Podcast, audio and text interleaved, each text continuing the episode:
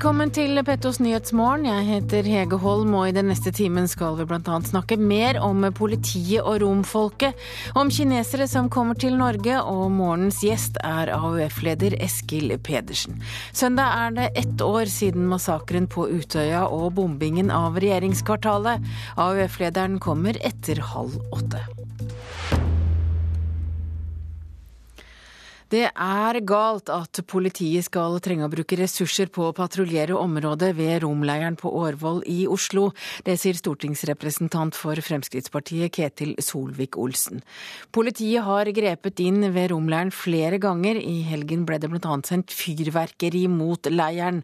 Og for å unngå flere slike hendelser er politiet nå forberedt på å patruljere i området så lenge det er nødvendig. Situasjonen er ikke holdbar, både fordi du har en gruppe av mennesker som tar seg til rette, og fordi at den gruppa legger beslag på en for stor del av, av, våre felles politiressurser. Det burde ikke være nødvendig for politiet å bruke store ressurser på å patruljere romleiren på Årvoll, mener Solvik-Olsen. Dette burde jo vært løst ikke av politiet, men av politisk ledelse. Ved at en satte en stopper for at de fikk lov til å ta seg sånn til rette. Oslo kommune syns jeg har blitt stadig mer unnvikende i problemstillingen. Og regjeringen har jo ikke vist vilje til å gå inn og løse selve problemstillingen. Det vi sørger for er at til enhver tid, 24 timer i døgnet, vil være uniformert eh, politi tilgjengelig eh, for å holde ro og orden, og for å trygge både de som eh, bor lokalt der, og også for de som er på innsiden sier fungerende politimester Roger Andresen.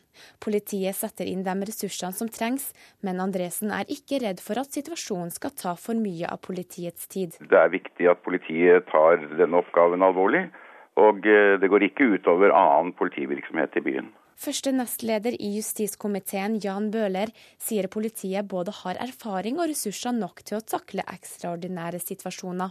Oslo-politiet har 2500 årsverk totalt, så, så lenge det ikke varer i ukevis og månedsvis, så tror jeg det går greit å takle en eh, ekstraordinær situasjon. Men dersom politiet må fortsette å patruljere området over lengre tid, er Solvik-Olsen redd situasjonen kan få konsekvenser. Hvis konflikten opprettholdes, så vil du måtte ha store ressurser der. og Det vil jo kunne gå utover politiets tilstedeværelse andre steder. og Det er derfor det er så viktig at eh, regjeringen ikke bare fraskriver seg ansvar og peker på EØS-avtaler og forskrift, men at vi faktisk går inn og finner løsninger.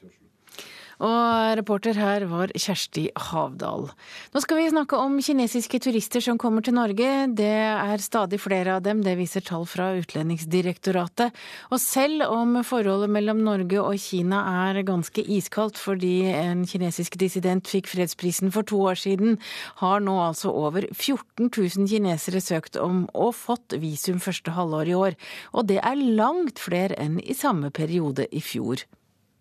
Den norske Nobelkomité har bestemt at uh, Nobels fredspris for 2010 skal tildeles Liu Xiaobo. Ei setning som endrer forholdet mellom Kina og Norge. Men selv om kinesiske styresmakter gjev Norge ei kald skulder, held kinesiske turister fram med å reise hit. Det er stor interesse for Norge fra Kina, og det er jo hyggelig. Sier kommunikasjonsdirektør i UDI Ingeborg Grimsmo.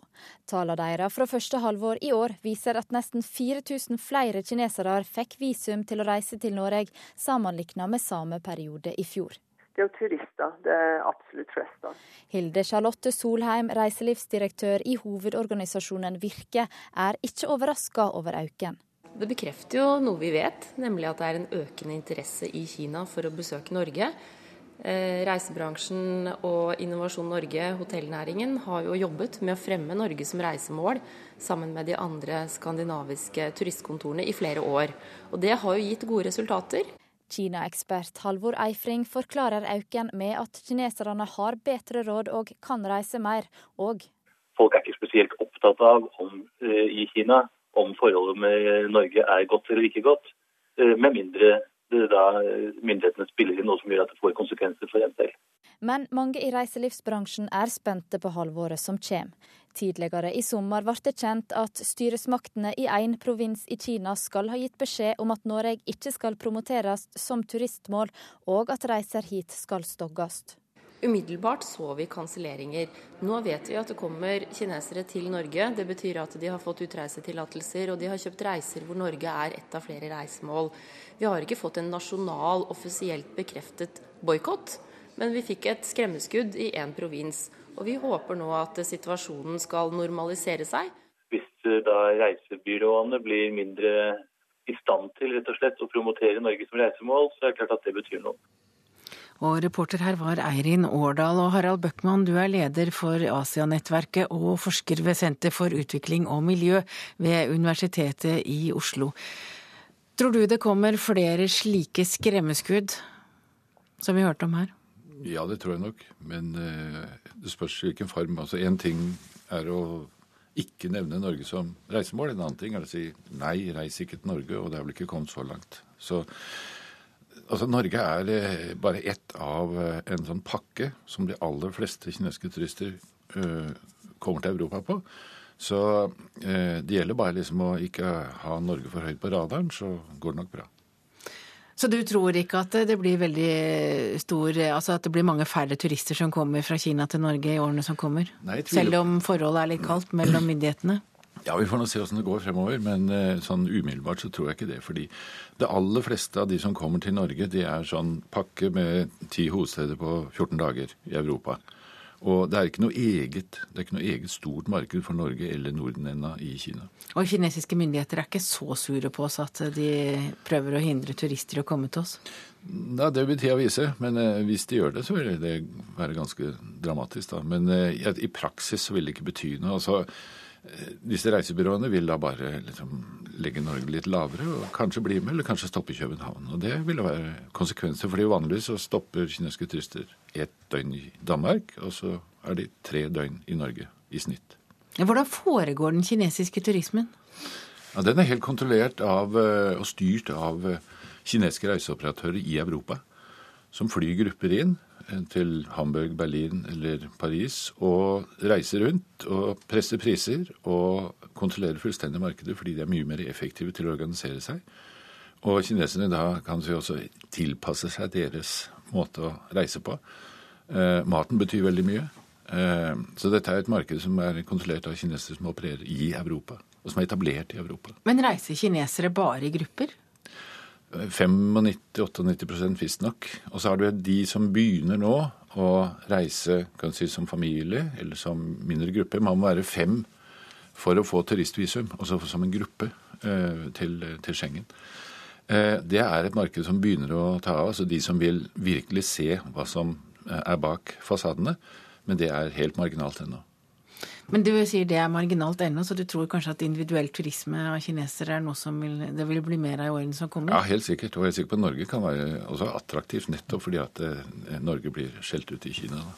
Så det kan også skape et visst marked, kan du si. Ja, Er forholdet mellom Norge og Kina også et tema kineserne vet noe om? Nei, jeg tror ikke det. Sånn som Eifring sa, altså, de bryr seg ikke om det, med mindre liksom, det, det rammer dem direkte. Så men, men, kan det også ha gjort oss mer attraktive? At det har satt Norge på kartet, iallfall for de kineserne som har hørt om fredsprisen? Ja, jeg tror det. Altså, men det, jeg vet ikke om det slår seg veldig mye ut på, på statistikkene. Men eh, det at Norge har natur og lite mennesker, det sies, sies det ofte. Altså, det, er så, det, er så, få mennesker her. Og det er også blitt det som vi ser på som et problem. Da, kan du si. Men kineserne syns jo vi er ganske snåle? Ja, men det er alle europeere. Det er snåle på forskjellige måter. Og Norge er ja, Nordmenn er liksom disse kinesere han Larser. Altså dere er sånt trauste og, traust og greie å ha med å gjøre. Helt til slutt, Bøckmann. Eh, har du noen stikkord for hvordan du tror forholdet mellom Norge og kinesiske myndigheter kommer til å utvikle seg? Ja, jeg tror ikke det blir noe endring på iallfall på ett års tid. Du har en, et, et generasjonsskifte eh, i politikken i Kina nå i høst. Og de må sette seg i salen og føle seg trygge før de begynner å eh, introdusere noen nye eh, politiske retningslinjer. Takk til deg, Harald Bøckmann, leder for Asianettverket og altså forsker ved Senter for utvikling og miljø ved Universitetet i Oslo. Politiet skjerper sikkerheten på søndag når tusenvis av mennesker over hele landet skal minnes terrorangrepet for ett år siden. Politi og betjent Torstein Stefansen i Oslo-politiet sier de nå må stå klare hvis noe skulle skje. Det er så langt ingen indikasjoner på at noe skal skje, men vi kan aldri utelukke at noen vil forsøke et eller annet. Og Det må vi ta høyde for i vår tilnærming i en sånn setting. Seremonier med kongehuset og toppolitikere. Minnegudstjenester over hele landet. Etterlatte som skal besøke Utøya på nytt, og en nasjonal minnekonsert hvor det er ventet titusenvis av mennesker. Dette skjer på søndag som kommer, 22. juli. I Oslo vil det være mer politifolk i gatene enn vanlig, og i Nordre Buskerud henter de inn hjelp fra nabodistriktene. Vi har kontakt med Søndre Buskerud, Asker og Bærum og UP, som bistår oss med personell. Sier stabssjef i Nordre Buskerud, Kjell Magne Tvenge. Forsvaret skal frakte etterlatte til Utøya med egne båter. Politibåter vil også ligge klare på vannet i området. Politiets sikkerhetstjeneste sier til NRK at de ikke har opplysninger som tilsier at noen vil true arrangementene på søndag. De vurderer trusselen for at noe skal skje, som lav. Men politiet vil uansett være forberedt, sier politioverbetjent Torstein Stefansen i Oslo-politiet. Vi kan aldri se inn i hodene på folk og finne ut hva de tenker, om det er noen som vil gjøre et eller annet og benytte den dagen til det. Det vil være mange folk ute. Hva, hva slags rolle spiller det i den vurderingen i forhold til eh, politifolk på jobb? Det blir mye folk samlet på et avgrenset område. Og da vet vi aldri hva som kan skje. Det kan være ting som skjer. Det, er jo i nærheten til rådhusbryggene. Det kan falle folk i vannet. Det kan være andre ting som skjer i en så stor menneskemengde uten at vi kan si her og nå hva vil skje, eller hva kan skje. Men vi må ta høyde for ting, uforutsette ting som kan oppstå underveis. NRK har vært i kontakt med flere andre norske politidistrikter. De er svært sparsomme med informasjon om sin egen beredskap, men sier de vurderer beredskapsnivået kontinuerlig. Og reporter her var Haldor Asvald. Du hører på Nyhetsmorgen i NRK P2 og Alltid nyheter. Klokka er 7.15, og dette er hovedsaker i nyhetene. Det er galt av politiet å bruke ressurser på romleiren, mener sentral Frp-politiker. Stadig flere kinesere velger Norge som turistland, og det oversettes for mange bøker. Det mener bokanmelder. Partiet Kadima trekker seg fra den israelske samlingsregjeringen, og striden dreier seg om hvordan de ultraortodokse jødene skal lokkes til å gjøre militærtjeneste. Til nå har de ultraortodokse sluppet unna hæren, til andre israeleres store irritasjon. Og de mest religiøse har fremdeles ikke noe ønske om å bidra i den israelske hæren. Tusenvis av svartkledde ultraortodokse menn i alle aldre fylte gatene i Jerusalem denne uken. Eldre menn med langt, hvitt skjegg og unge gutter med sidekrøller og svarte hatter bar plakater der det sto Nei til å tjenestegjøre i fiendens hær. Vi, Israels barn som studerer Toraen og er lojale til Gud og hans bibel, vi vil aldri underkaste oss regjeringens krav om militærtjeneste. Israels første statsminister David Ben Gurion skjermet den opprinnelige lille ultraortodokse minoriteten. Mennene skulle slippe militærets tunge plikter og få studere de hellige skriftene på heltid. Men 60 år senere har de ultraortodokse med sine barnerike familier vokst seg til over 10% av befolkningen. De sitter med stor makt både i regjering og i samfunnet ellers.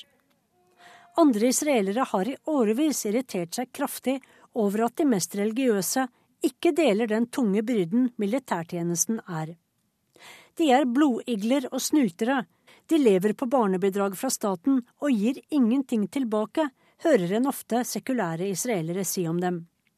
Forholdet mellom de ultraortodokse og andre israelere blir ikke bedre av at mange av de svartkledde ultraortodokse er imot sionismen og betrakter sekulære jøder som fiender.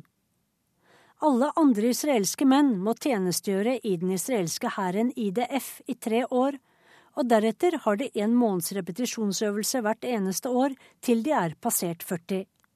Og sjansen for å bli kalt ut til krig er alltid til stede. Kravet om at flere må dele denne byrden, har vokst frem, og tidligere i år besluttet Høyesterett at den nåværende loven om militærtjeneste, som fritar ultraortodokse jøder og israelske arabere, er grunnlovsstridig og må endres. Statsminister Netanyahus Likud-parti og hans ultraortodokse regjeringspartnere vil ha en gradvis innføring av de ultraortodokse til hæren, og er imot straff for avvik. Men Kadima vil ikke ha noen fritak fra IDF, og vil straffe dem som sluntrer unna. Men Kadima vant ikke frem, og går dermed ut av regjering. Regjeringssamarbeidet med Netanyahu varte i bare 70 dager. Men saken om militærtjeneste var en for stor kamel å svelge for Kadimas leder Shaul Mofas, som er både tidligere forsvarsminister og forsvarssjef. Dermed kan det gå mot et nyvalg i Israel. Og det var utenriksreporter Sissel Wold som orienterte. Og så skal vi til en britisk bankskandale. For den britiskbaserte storbanken HSBC får nå flengende kritikk av det amerikanske senatet for å ha latt narkotikakarteller og terrorister få hvitvaske penger gjennom deres bank. Banken anklages for elendige rutiner, og den ansvarlige banksjefen varsler at han nå trekker seg fra sin stilling. Det er en av verdens aller største banker som nå får brettet ut sitt indre liv av tvilsomme transaksjoner.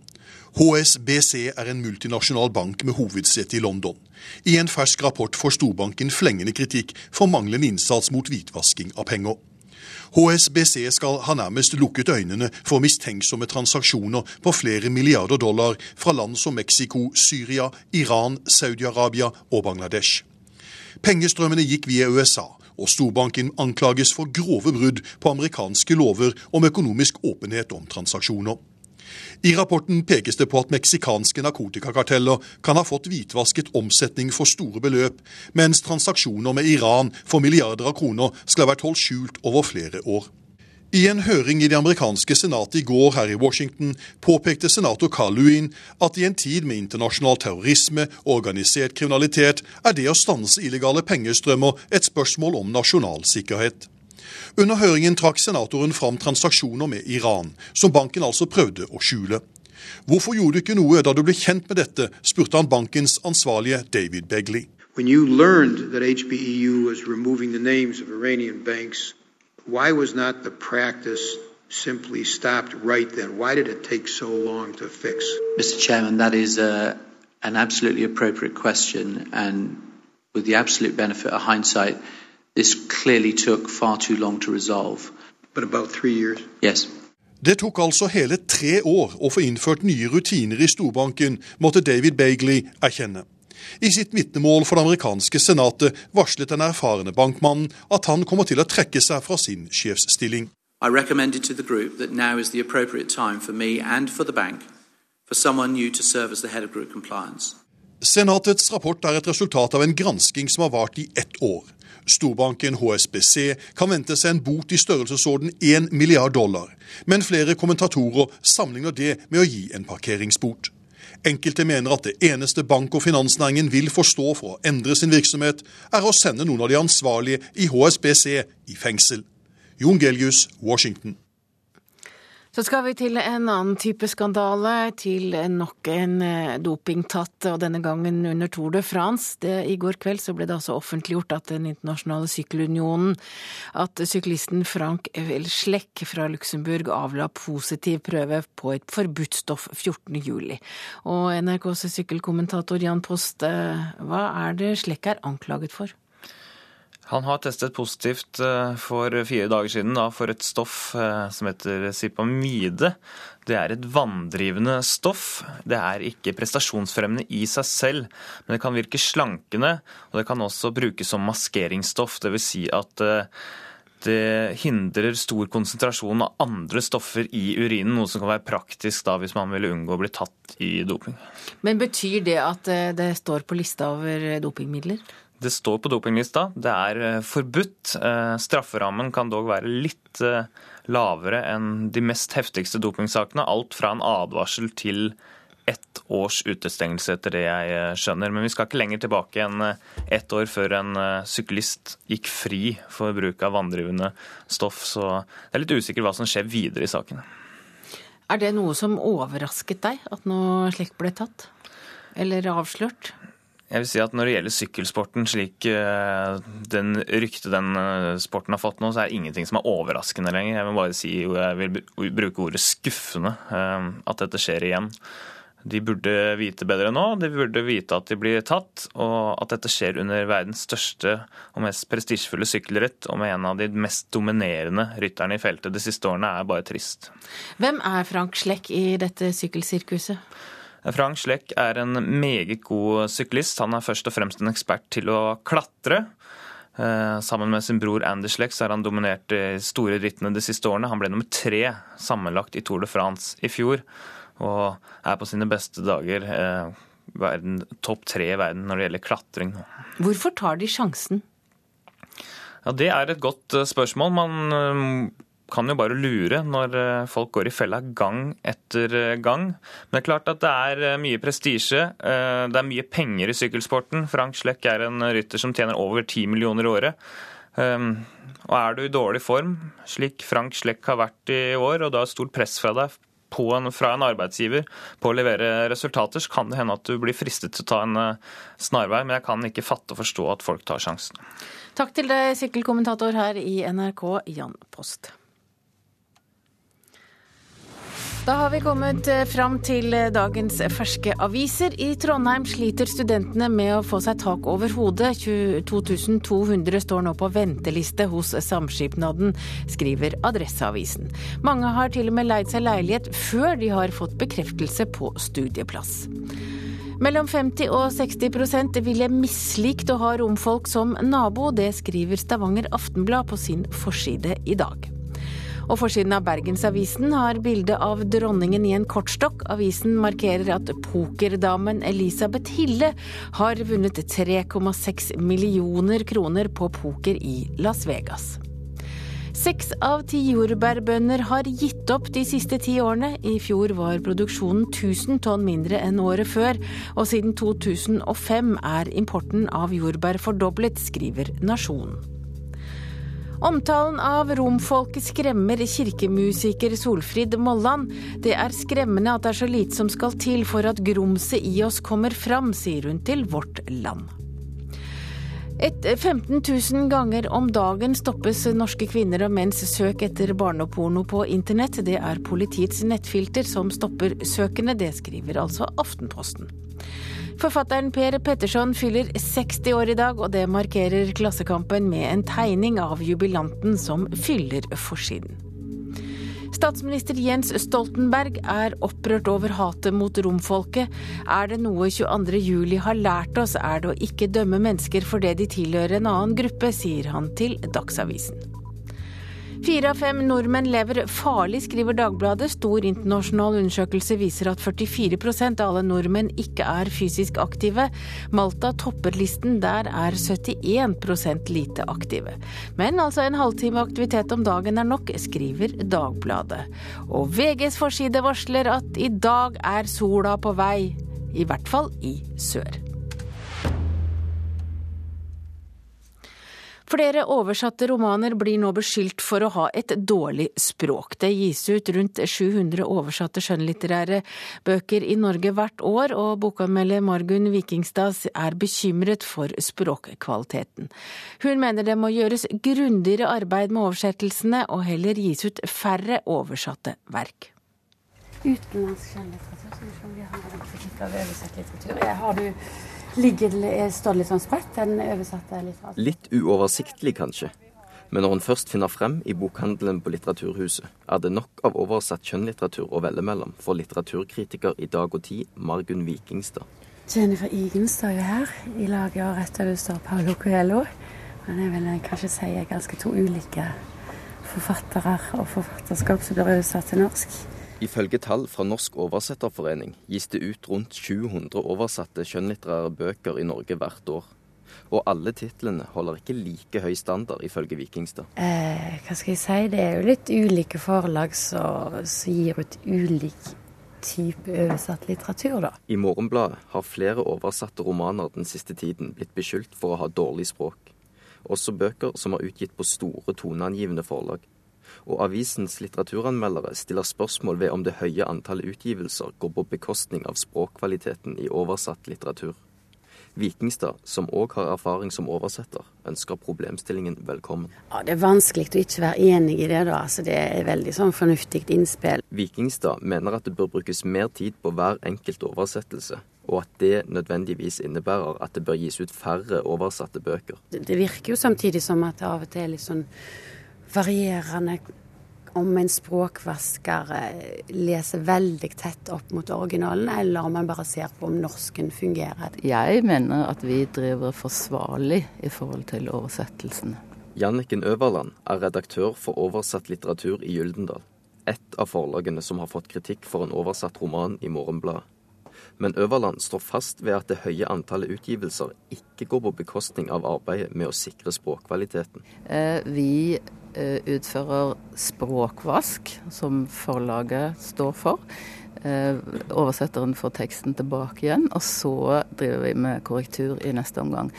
Så leser både eh, redaktøren, jeg, og en tekstkonsulent, som det heter, inni forlaget teksten. Leder i Norsk oversetterforening, Cecilie Winger, representerer over 300 skjønnlitterære oversettere. I dag utgis det nærmere 700 skjønnlitterære titler. Det er faktisk mer enn norskskrevne skjønnlitterære titler. Og vi er mer enn godt i stand til å oversette dem. Ja, reporter her var Dario Kverme Birhane. Og nå er det Dagsnytt øyeblikkelig her i P2. Den er det Ida Creed som gir deg. Etter Dagsnytt skal vi høre at det i morgen er presidentvalg i India, og det betyr at Pratiba Patils femårsperiode nå nærmer seg slutten. Du får også møte Eskil Pedersen. Søndag er det ett år siden massakren på Utøya og bomben i regjeringskvartalet. Og Pedersen kommer til Petos Nyhetsmorgen for å fortelle om året som har gått, og hvordan eh, man skal markere ettårsdagen.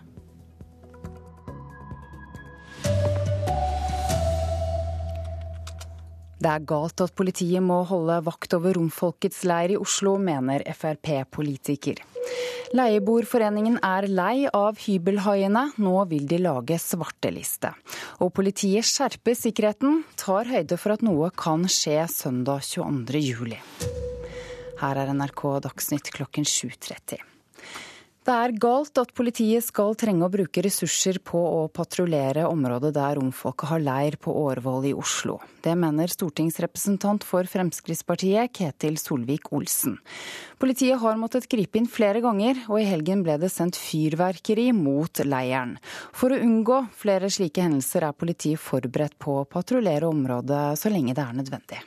Situasjonen er ikke holdbar, både fordi du har en gruppe mennesker som tar seg til rette, og fordi at den gruppa legger beslag på en for stor del av, av, våre felles politiressurser. Det burde ikke være nødvendig for politiet å bruke store ressurser på å patruljere romleiren på Årvoll, mener Solvik-Olsen. Dette burde jo vært løst ikke av politiet, men av politisk ledelse. Oslo kommune synes jeg har blitt stadig mer unnvikende i problemstillingen, og regjeringen har jo ikke vist vilje til å gå inn og løse selve problemstillingen. Det vi sørger for er at til enhver tid, 24 timer i døgnet, vil være informert eh, politi tilgjengelig eh, for å holde ro og orden. Sier fungerende politimester Roger Andresen. Politiet setter inn de ressursene som trengs, men Andresen er ikke redd for at situasjonen skal ta for mye av politiets tid. Det er viktig at politiet tar denne oppgaven alvorlig og eh, det går ikke utover annen politivirksomhet i byen. Første nestleder i justiskomiteen, Jan Bøhler, sier politiet både har erfaring og ressurser nok til å takle ekstraordinære situasjoner. Oslo-politiet har 2500 årsverk totalt, så, så lenge det ikke varer i ukevis og månedsvis, så tror jeg det går greit å takle en eh, ekstraordinær situasjon. Men dersom politiet må fortsette å patruljere området over lengre tid, er Solvik-Olsen redd situasjonen kan få konsekvenser. Hvis konflikten opprettholdes, så vil du måtte ha store ressurser der, og det vil jo kunne gå utover politiets tilstedeværelse andre steder. Reporter her var Kjersti Havdal.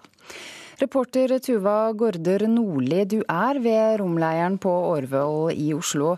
Er det politi der nå? Ja, Nå er det tre politibiler og fire politimenn her. Og politiet de har vært i, i området i hele natt. Men eh, de sier at eh, det ikke har vært noen spesielle hendelser her, og de, de har heller ikke fått noen klager i løpet av natten. Så hva skjer egentlig rundt deg?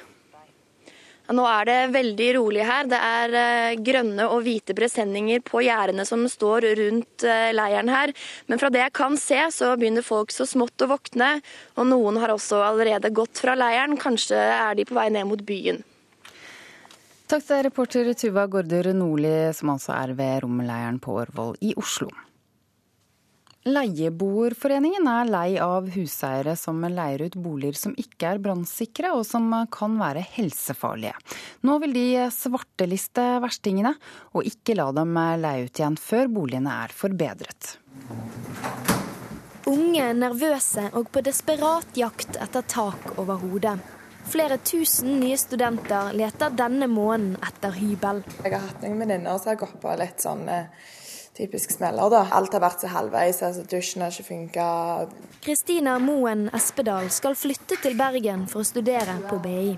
Vår erfaring er at det leies ut mange boliger i dag som ikke er klassifisert som bolig. Leder i Leieboerforeningen, Lars Aasen, er lei av hybelhaier som tjener penger på brann- og helsefarlige boliger. Nå vil han ha kommunale svartelister over verstingene som blir klaget inn gang på gang. I dag gjøres ikke dette her i det hele tatt. Boliger eh, blir fraflyttet fordi de ikke egner seg som bolig, og så vet vi at de leies ut eh, dagen etterpå igjen så vet vi at Datatilsynet har hatt innvendinger mot denne typen registre. Eh, men personlig syns jeg jo det er vanskelig å ha noe sympati for dem som spekulerer i å leie ut boliger som er brannfarlige eller har dårlig inneklima. Det sier statssekretær i Kommunaldepartementet Erlend Fuglum.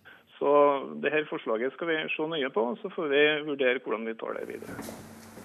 Har du tenkt noe på, på brannsikkerhet og sånn når du ser et leilighet? Nei, jeg har ikke det. Nei. Jeg har jo med faren min, så jeg tenker at han sjekker litt sånn for meg. Reporter Karina Asbjørnsen.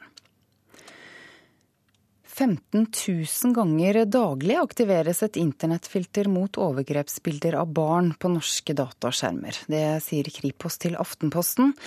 Ny forskning viser at det internasjonale samarbeidet mot overgrepsmateriale av barn likevel er for dårlig.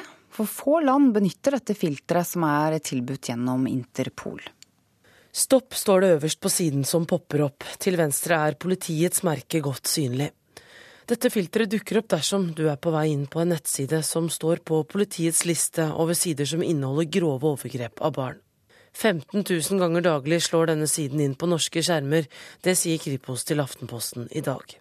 Filteret som skal hindre nordmenn i å gå inn på de groveste nettstedene, er i dag tatt i bruk av alle de største internettleverandørene her hjemme.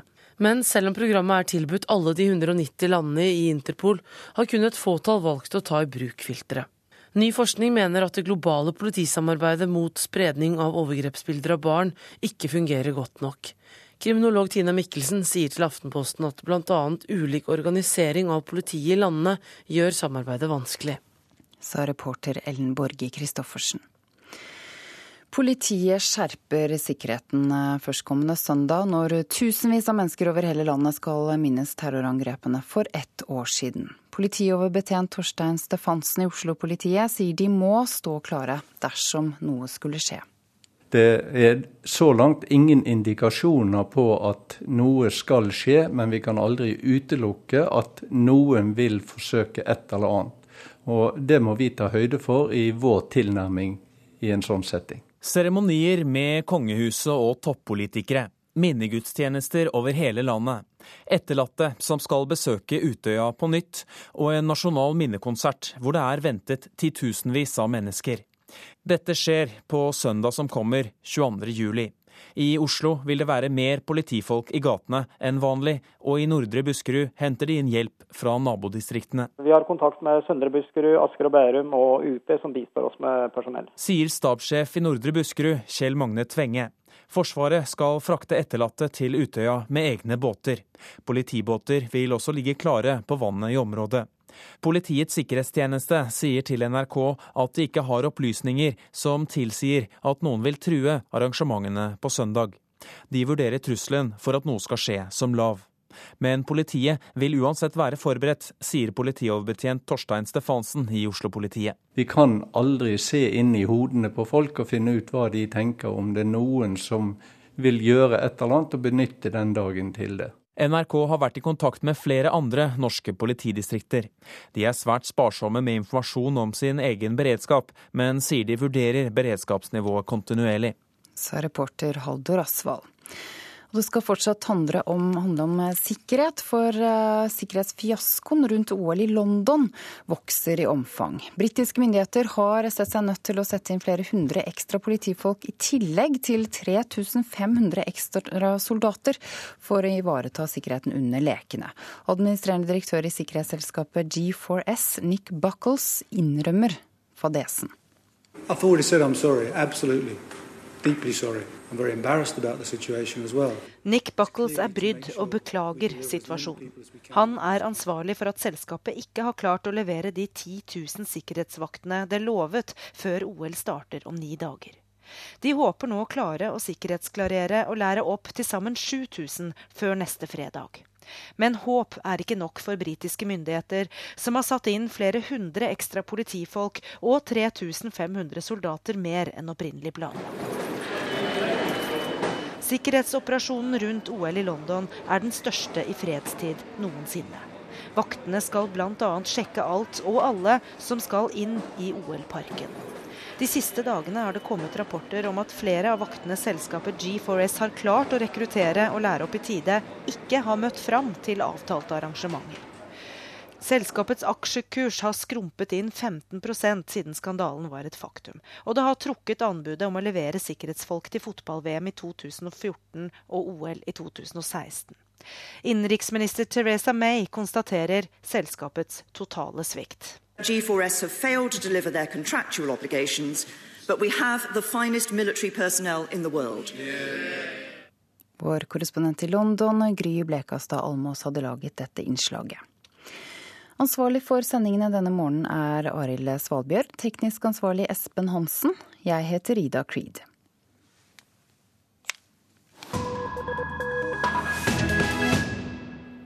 P2s Nyhetsmorgen fortsetter eh, i P2 og Alltid nyheter, og nå skal vi til India, for i morgen er det presidentvalg. Det betyr at Pratiba Patils femårsperiode nå nærmer seg slutten. Hun var den første kvinnelige presidenten i et land der eldgamle tradisjoner og middelalderske holdninger gjør livet ganske vanskelig for mange kvinner som vokser opp i verdens største demokrati. Det forteller Joar Hoel Larsen. As the world's largest democracy, India can be proud. Hun er 77 år gammel, født den gang India var en britisk koloni. Kong Georg 5. var keiser av India, og selvstendighet og republikk var i beste fall en fjern drøm for indere flest. I 50 år har hun tjent sitt land. Første gang hun var folkevalgt i hjemstaten Maharashtra i 1962, var Jawaharlal Nehru fremdeles Indias statsminister. Etter ham har hun tjent hans datter, statsminister Indira Gandhi, og hennes sønn igjen, statsminister Rajiv Gandhi. Det var da også den myrdede eks-statsminister Rajiv Gandhis enke Sonja Gandhi som foreslo Pratiba Patil for fem år siden. Mange mener at det ble gjort som en takk for Patils mangeårige lojalitet mot det som kalles Nehru-Gandhi-dynastiet.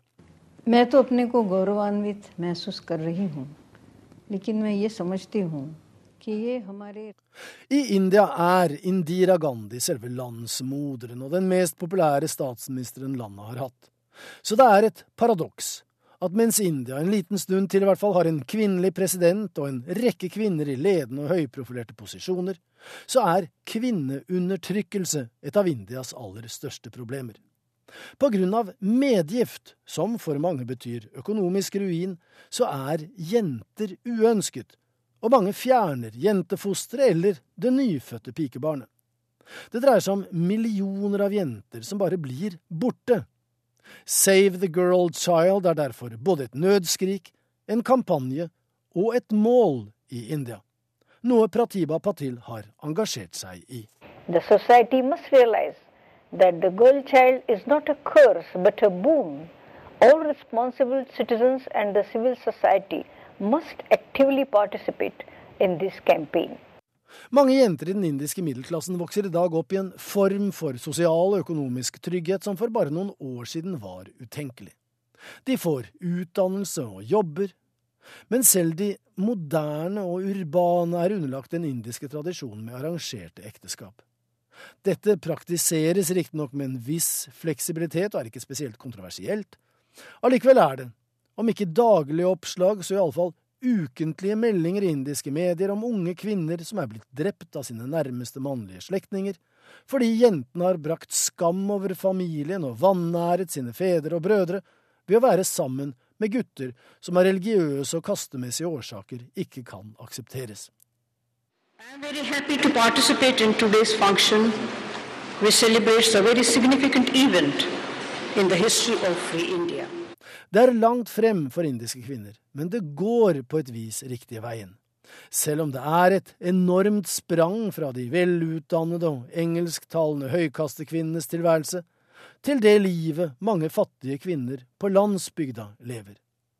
At de har det fælt i dag, er ille. Men med tanke på at indiske landsbygdkvinner hadde det verre før, så er det i alle fall et slags håp. Ikke minst når kvinner som president Pratiba Patil viser at det nytter. Klokka er 7.44. Eh, du hører på Nyhetsmorgen i NRK P2, og dette er hovedsaker akkurat nå. Det er galt av politiet å bruke ressurser på å sikre romleiren, det mener sentral Frp-politiker. Og tross kjølig forhold mellom Norge og Kina, velger stadig flere kinesere Norge som turistland. Og det europeiske krisefondet får betalt for å låne penger. Men eh, aller først skal vi snakke med vår morgengjest, for det nærmer seg årsdagen for terroren som rammet Norge 22.07. i fjor. Og Eskil Pedersen, eh, AUF-lederen, er kommet hit i studio, og velkommen. Takk for det. Det er ikke terroren 22.07 som preger nyhetsbildet i Norge akkurat nå. Nå er det romfolket og leiren. Og du snakket om vi-følelsen etter 22.07, men i dagens debatt så handler det veldig mye om oss og dem. Er vi på en måte tilbake der vi var før 22.07?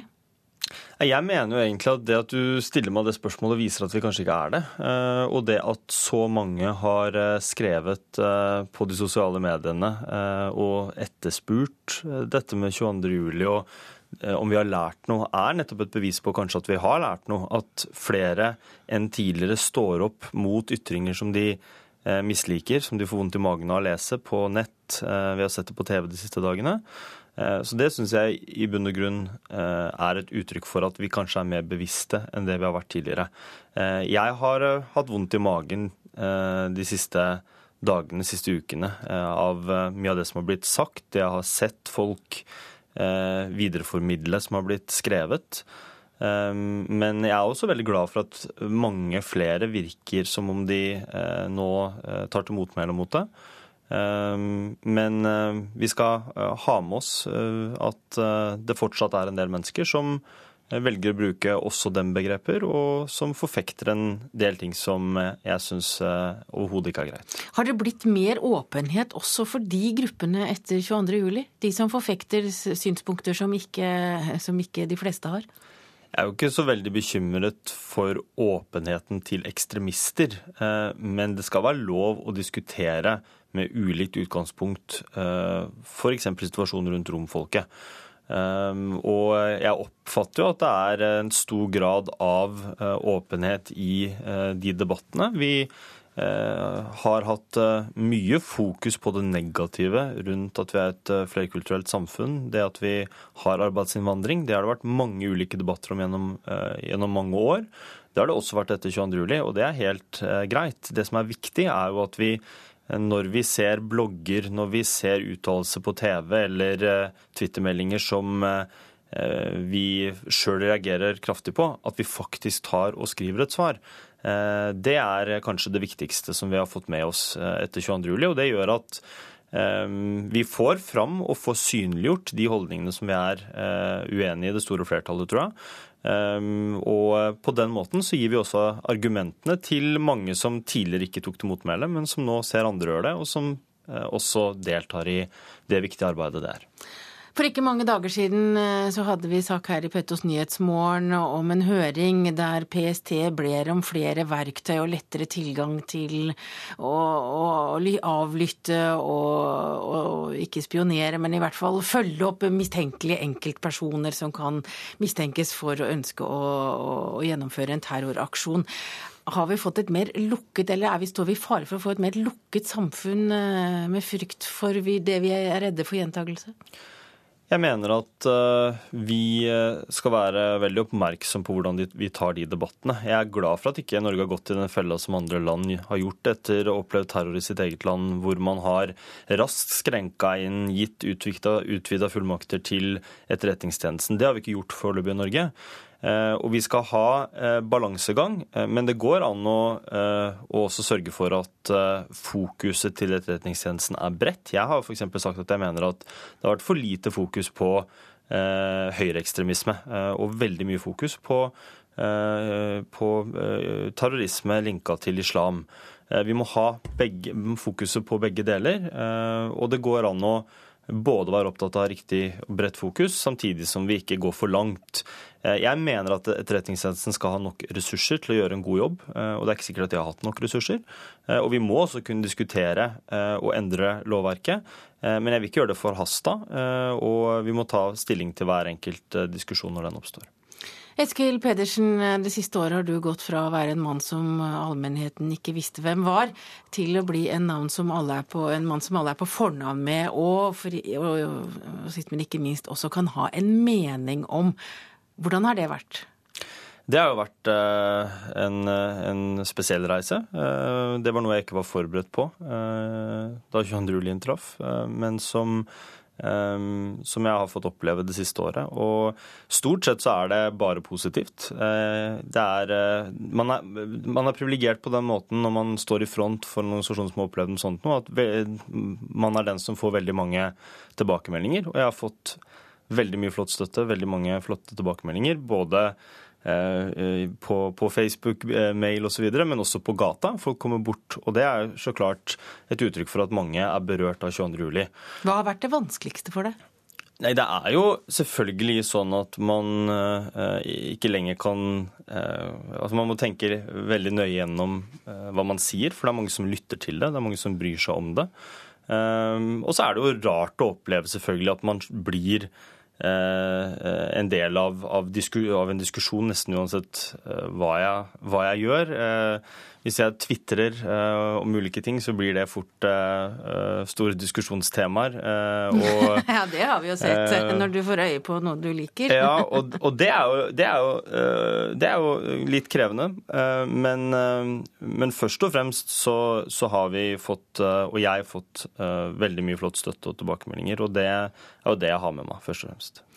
Vi nærmer oss altså markeringen for ettårsdagen, og hvilke tanker fyller hodet ditt nå? Nå bruker vi jo denne uka på planlegging eh, av arrangementet som skal være på søndag. Eh, så først og fremst er det jobb eh, disse dagene. Men når man nærmer seg og, begynner å skrive på taler og, forberede seg på budskapet den dagen, så er det jo først og fremst sånn at tankene går tilbake til de menneskene som ikke er her lenger, som vi savner veldig. Og jeg kommer til å bruke søndagen på Eh, og minnes menneskene eh, og hva de har betydd for oss, og hva de fortsatt betyr for oss. Eh, samtidig som jeg håper at vi klarer å gjenskape det samholdet og det fellesskapet som vi følte veldig sterkt på i, i tiden etter 22. juli. Og det håper jeg og tror at, at er mulig å gjøre. Takk til deg, AUF-leder Eskil Pedersen. Nå skal vi snakke om noe som kanskje høres underlig ut for mange av dere, men det går an. For det europeiske krisefondet EFSF lånte i går penger til negativ rente. Vil si at fondet i praksis får betalt for å låne penger. Flere europeiske land har opplevd det samme når de har lånt penger i finansmarkedene de siste ukene, og analysesjef Pål Ringholm i meglerhuset First sier mangel på trygge steder å plassere store summer er saken. Utfallet for det som skjer i Europa, eh, virker for mange å være enten-eller. Og med en stor eller, det er stor sannsynlighet for at det kan tross alt gå relativt galt her. Ergo er det mange som er veldig opptatt av å bevare sin kapital, og mer opptatt av det enn å få 5% ekstra avkastning. Og avkastning har det vært dårlig med, i hvert fall om du kjøpte statsobligasjoner, altså lånte ut penger, til en rekke europeiske land den siste tida. Sveits, Tyskland, Frankrike, Danmark, Nederland og Belgia har de siste ukene møtt negative renter på kortsiktige lån i pengemarkedene. De får altså betalt for å låne penger. Også det europeiske krisefondet EFSF slapp i går unna med en rente på minus 0,01% på et lån med seks måneders løpetid. At investorer rundt om i verden setter penger i verdipapirer som gir et garantert tap, forklares med at svært få land i dag regnes som finansielt trygge. Og for store investorer er ikke det å putte pengene i madrassen noe alternativ. For de som har mye penger, så er det ikke plass, det er ikke plass under madrassen. Så de, altså Her snakker vi jo tross alt en del store pensjonsfond, store investorer i verden. Og de må nødvendigvis plassere pengene et eller annet sted og i safen eller madrassen er ikke et alternativ. Norske statsobligasjoner har fortsatt positiv rente, men sjeføkonom Jan Andreassen i Terra-gruppen tror ikke det vil vare. Han tror at mangelen på trygge havner vil drive utenlandske investorer til Norge, og at det vil tvinge Norges Bank til rentekutt. Vi kommer nok til å se mange europeere som flytter pengene sine til eh, Norge og driver opp verdien av norske kroner, driver rentene ned, og til slutt så tvinges Norges Bank til å kutte rentene. Og det er nok mange av oss som kunne tenke oss å ha en slik negativ rente på lånene våre. Reporter her var Halvor Norum. Og når nesten alle i Norge skal ha ferie samtidig, kan det være en utfordring å fylle vaktlistene på arbeidsplassen. Og der kan pensjonistene komme inn i bildet, men det er ikke alltid at de får lov. Det registrerer seg på den kommer. Der kom det. Vaktnummer og, og bussnummer. Da er vi i gang. Hallo. Neste holdeplass er eh, Nova kino. Har du jobba lenge i nettbuss, da? Ja, det begynte i januar i 67. Oskar Møkkelgård er bussjåfør i Trondheim. Den 73-årige pensjonisten ler, smiler og ønsker passasjerene velkommen om bord. Han har jobba som bussjåfør i hele livet sitt og er glad for å være tilkallingsvikar nå, hele elleve år etter han gikk av med pensjon. Ja, veldig. Det er et bra yrke, ja. Nei, det er allsidig. da. En treffer jo mye folk og forskjellige situasjoner hele tida. Aldri en dag likeens. Men hvor ofte er du tilbake i bussførersetet, skal du si? Nei, det er ganske bra å ha vært i sommer da, for lite sjåfører. Men at sånn som det er nå, så bestemmer jeg litt sjøl arbeidstida. Sånn da. Det finnes yrker som domineres av pensjonister når de ansatte går ut i ferie. De jobber på ferjene, driver manuelt arbeid i hager og tiltrer i jobbene de hadde da de var yrkesaktive. Er det noen som er glad for at pensjonistene trår til når det trengs, er det markedssjef Dag Bones i Nettbuss. Hele 10% av arbeidsstyrken deres nå på sommeren består av pensjonister. Vi bruker pensjonister i sommerferien for å eh, avhjelpe den personalsituasjonen vi har med ferieavvikling osv. De tilfører oss veldig mye, bl.a. på kompetanseoverføring. Erfaringene har jo ikke minst det å være en stor miljøfaktor i bedriften. Pensjonistpartiet liker dårlig at det finnes et aldersgrensetak i arbeidslivet. De vil at arbeidsføre bussjåfører som f.eks. Oskar Møkkelgård skal få fortsette jobben sin, hvis han vil det selv. Om flere bør få slippe til på arbeidsmarkedet? Ja, absolutt. Det er en utrolig erfaring og en kjempestor ressurs som kan utnyttes hvis vi vil. Finnes det noe som helst som du kan ha bruk for i arbeidsmarkedet i dag, så er erfaring. Og det representerer jo de fleste pensjonister. Det sa Sven Undset, leder for Pensjonistpartiet i Trondheim. Men hva sier de tilfeldige på gata? Vil de jobbe etter de har gått av med pensjon? Jeg er pensjonist og trives godt med og skal ikke jobbe. Det er for lenge til, da.